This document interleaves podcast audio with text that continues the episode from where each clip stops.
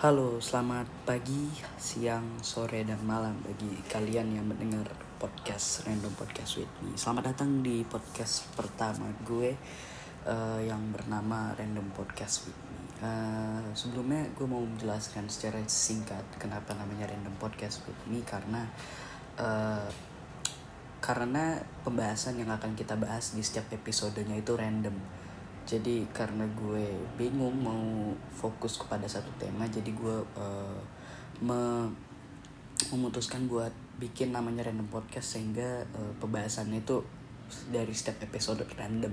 Episode bisa jadi soal eh episode pertama ini bisa jadi soal satu hal besoknya akan hal yang berbeda bisa jadi dengan tema yang berbeda sendiri.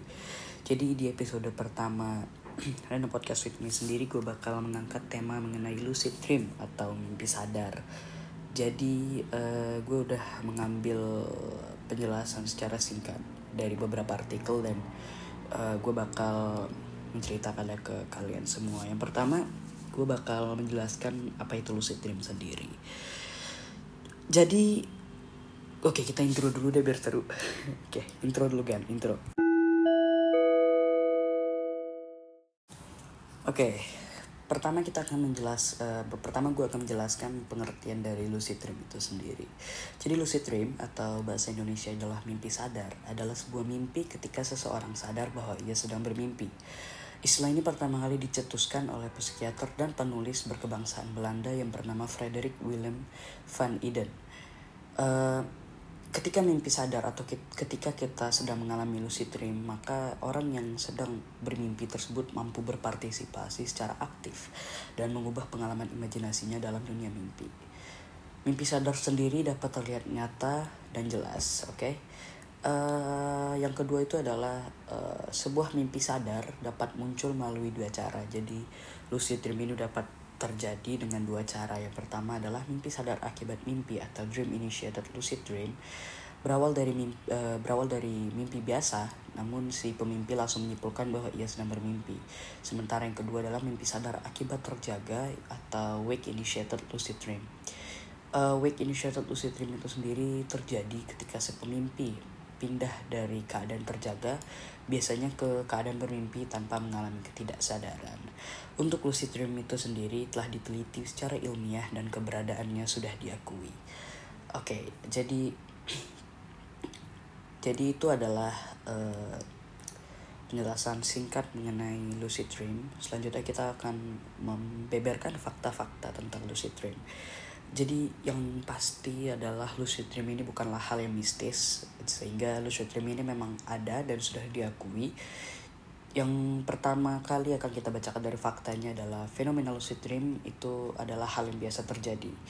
Fenomena lucid dream ternyata sangat umum terjadi dari sebuah penelitian di Brazil melibatkan 3.427 peserta yang rata-rata berusia 25 tahun e, menyimpulkan bahwa dari hasil survei tersebut menunjukkan 77% responden pernah mengalami lucid dream setidaknya sekali dalam seumur hidupnya. Terlepas dari hal itu, sekitar 55% orang diketahui telah mengalami setidaknya satu lucid dream dalam hidupnya. Namun jarang ada yang jarang ada orang yang sering mengalami mimpi tersebut atau uh, mengalaminya lebih dari sekali atau bisa jadi uh, dalam beberapa beberapa kali dalam uh, sebulan atau dalam kurun waktu setahun itu uh, jarang ada orang yang lebih uh, melak uh, apa ya jarang ada orang yang uh, merasakannya lebih dari sekali. Dan fakta yang kedua itu uh, terjadi. Jadi lucid dream itu terjadi pada tahap tidur REM atau Rapid Eye Movement. Seperti mimpi pada umumnya, mimpi sadar juga biasanya terjadi pada tahap tidur Rapid Eye Movement. Tidur memiliki empat tahap, yaitu yang pertama tidur ayam, yang kedua mulai tertidur, tidur nyenyak, dan tidur Rapid Eye Movement atau REM. Dalam tidur REM ini, otak Anda berada dalam fase yang sangat aktif. Selain itu, detak jantung dan gerakan mata juga meningkat. Bagi sebagian orang, mimpi ini terjadi secara spontan, namun ada juga yang melatih agar bisa mengalami lucid dream. Fakta yang ketiga adalah kemampuan mengendalikan lucid dream orang itu berbeda-beda. Kemampuan seseorang dalam mengendalikan mimpinya ketika mengalami lucid dream juga sangat bervariasi. Ada yang mampu memanipulasi cerita dalam mimpi untuk menciptakan hal yang menyenangkan. Ada pula yang mungkin langsung terbangun ketika menyadari bahwa dirinya tengah bermimpi. Fakta yang ketiga, fakta yang ketiga adalah makanan dan meditasi berpotensi memicu lucid dream. Sebuah studi menemukan bahwa individu yang mengonsumsi 240 mg vitamin B6 selama 4 malam sebelum tidur lebih mudah mengingat mimpi-mimpi ketika bangun. Sehingga jadi siapa pun nih yang suka lupa kalau udah bangun tidur, eh tadi gue mimpi apa ya? Atau lupa dengan alur cerita mimpi mungkin kalian dapat mengonsumsi 240 mg vitamin B6 selama 4 malam sebelum tidur. Oke lanjut uh, kondisi ini menjadi indikator yang penting untuk mendapatkan mimpi sadar. Artinya perubahan tertentu pada makanan tak hanya membuat seseorang mengingat mimpi biasa, tapi juga dapat mengubah mimpi biasa menjadi lucid dream dengan mudah. Selain itu faktor lain yang berperan menciptakan kesadaran dalam mimpi adalah bermeditasi.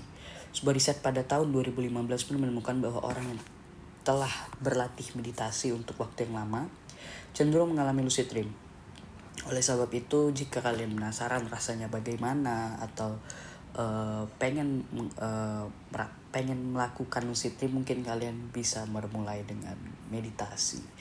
Selanjutnya, fakta selanjutnya adalah lucid dream ini dapat dijadikan terapi.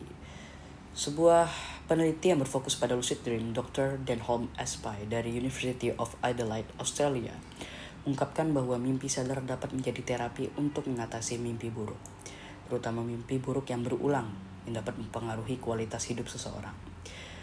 Terapi ini dapat memberikan kemampuan untuk melakukan kontrol atas diri sendiri maupun mimpi buruk yang dialami. Selain itu, terapi mimpi sadar ini juga memiliki potensi untuk membantu penderita fobia yang takut akan ketinggian atau takut akan binatang tertentu. Selama mengalami lucid dream, seseorang tahu bahwa itu tidaklah nyata sehingga dapat dengan aman menjelajahi ketakutannya. Lalu selanjutnya Ternyata lucid dream ini sendiri uh, memiliki beberapa manfaat. Selain dapat mengurangi mimpi buruk, lucid dream juga memiliki beberapa manfaat baik, yaitu membantu beredakan kecemasan, meningkatkan keterampilan motorik, dan meningkatkan kreativitas. Meski hal ini belum dibuktikan oleh sains, perta uh, gue ulangi lagi ya, meski hal ini belum dibuktikan oleh sains, banyak orang yang menggunakan lucid dreams untuk mempertajam kreativitasnya. Dan fakta yang bukan fakta sih tapi lebih ke apa yang terjadi di otak kita ketika kita mengalami lucid dream.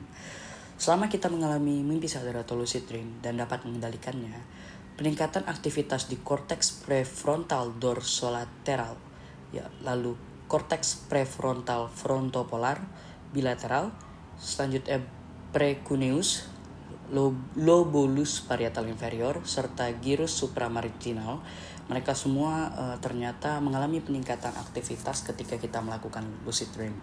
Mungkin kalian bingung dengan istilah-istilah di atas sama, gue juga ya, gue juga bingung. Namun uh, itu semua adalah area otak yang terkait dengan fungsi kognitif yang lebih tinggi. Dalam hal ini termasuk perhatian, ingatan, perencanaan, serta kesadaran diri. Para peneliti juga menemukan selama Anda mengalami mimpi sadar, Tingkat penentuan nasib sendiri di dalam mimpi mirip dengan apa yang dialami saat Anda terjaga. Kendati demikian, di dalam mimpi sadar, tak semua aspek dapat Anda kendalikan. Sehingga pada sebagian orang yang mimpi sadar, tapi gagal mengendalikannya, mimpinya justru berubah menjadi mimpi buruk. Itu adalah uh, apa yang terjadi pada otak kita ketika kita mengalami mimpi sadar atau lucid dream. Namun, uh, lucid dream ini sendiri memiliki resiko uh, bagi penderita gangguan mental. Meski mimpi sadar atau lucid dream umumnya dianggap aman, tapi ada beberapa risiko bagi orang dengan gangguan kesehatan mental. Adapun risiko yang terjadi adalah masalah tidur, karena lucid dream mempengaruhi kualitas dan kuantitas tidur seseorang. Depresi yang terjadi akibat masalah tidur, lalu derealization yang membuat sulit membedakan antara kenyataan dan mimpi serta disi, disosiasi atau terputusnya hubungan dengan lingkungan karena tumpang tindihnya kenyataan dan mimpi.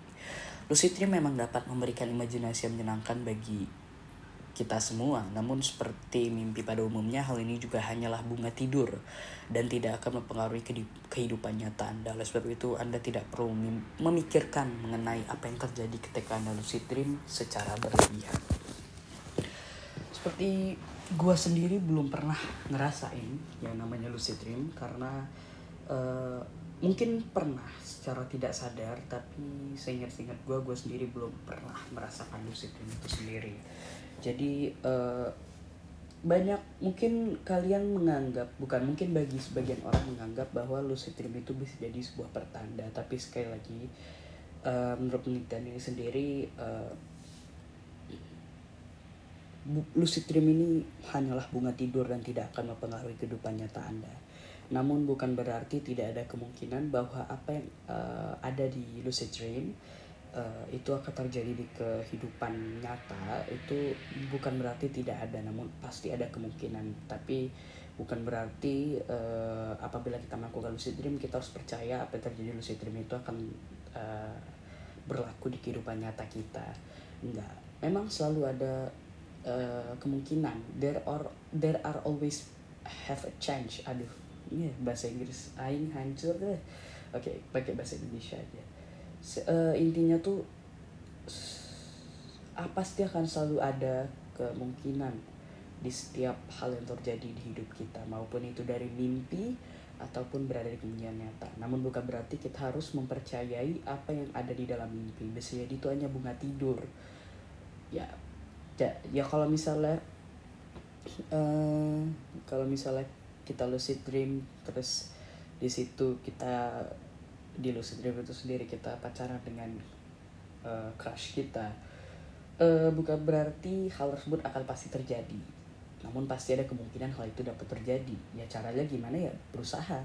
Berusaha untuk mendekati dia berusaha membuatnya nyaman guys tapi kenapa cerita cinta astagfirullahalazim gue ya pokoknya intinya tuh lucid dream itu memang benar ada itu bukan hal mistis dan itu sudah diakui oleh penelitian. Seperti yang kita lihat sendiri penelitian dari Brazil tadi ya yang melibatkan 3.427 peserta. Lalu juga ada uh, aduh ada penelitian yang berasal dari Dr. Denholm Espy dari University of Adelaide Australia yang mengungkapkan bahwa lucid dream ini bisa menjadi terapi sehingga uh, secara kesimpulan lucid dream ini memang benar ada uh, eh, gue gak memaksa kalian semua buat mempercayai mempercayai bahwa lucid dream itu memang ada pasti ada saja orang yang tidak mempercayai hal ini jadi itu semua kembali ke diri kalian masing-masing kembali apa yang kalian percayai itu semua kehendak kalian sendiri. Sehingga pasti ada yang percaya ada juga yang tidak percaya mengenai lucid dream itu sendiri. So uh, kayaknya cuman itu ya di podcast pertama gue. Gue menjelaskan secara singkat mengenai lucid dream. Uh, gue janji buat ngupload ini secara rutin namun dengan tema yang uh, berbeda-beda mungkin kita besok akan membicarai mengenai fenomena lain atau mengenai uh, cerita horor atau mengenai gaming. Itu semua random karena apa yang muncul di otak gue yang menurut gue bagus bakal gue bahas. Yep. Pengharum ruangan gue berbunyi. Oke okay. uh, eh, intinya pasti gue bakal update podcast lagi semoga gue tidak bosan karena memang uh, alasan awal gue bikin podcast ini adalah gue mau uh, mengisi waktu luang gue di tengah pandemi ini. Sekolah online semua dari rumah. Bagi gue itu cukup membosankan karena stay at home juga uh, lama-lama boring. Jadi gue mencoba bikin podcast ini buat ngisi ngisi ya kesibukan gue supaya gue ada kerjanya. Jadi thank you so much buat udah dengerin sampai akhir uh, gue yakin pasti bukan ya sih gue gue yakin pasti yang nonton dikit sih soalnya gue gak yakin juga dia bakal terkenal cuy. Ya thank you so much buat kalian semua yang udah dengerin sampai akhir. Dan gue ngomong thank you lagi pokoknya banyak-banyak berterima kasih pada kalian yang sudah um, mendengarkan semua ini sampai akhir gue minta maaf apabila ada kesalahan kata atau ada kesalahan dalam apa yang gue bacakan mengenai uh, penjelasan penjelasan singkat tadi. Sekali lagi gue minta maaf. I think that's it. Hmm bye bye guys. See you on the next podcast. Anjay. See you on the next podcast guys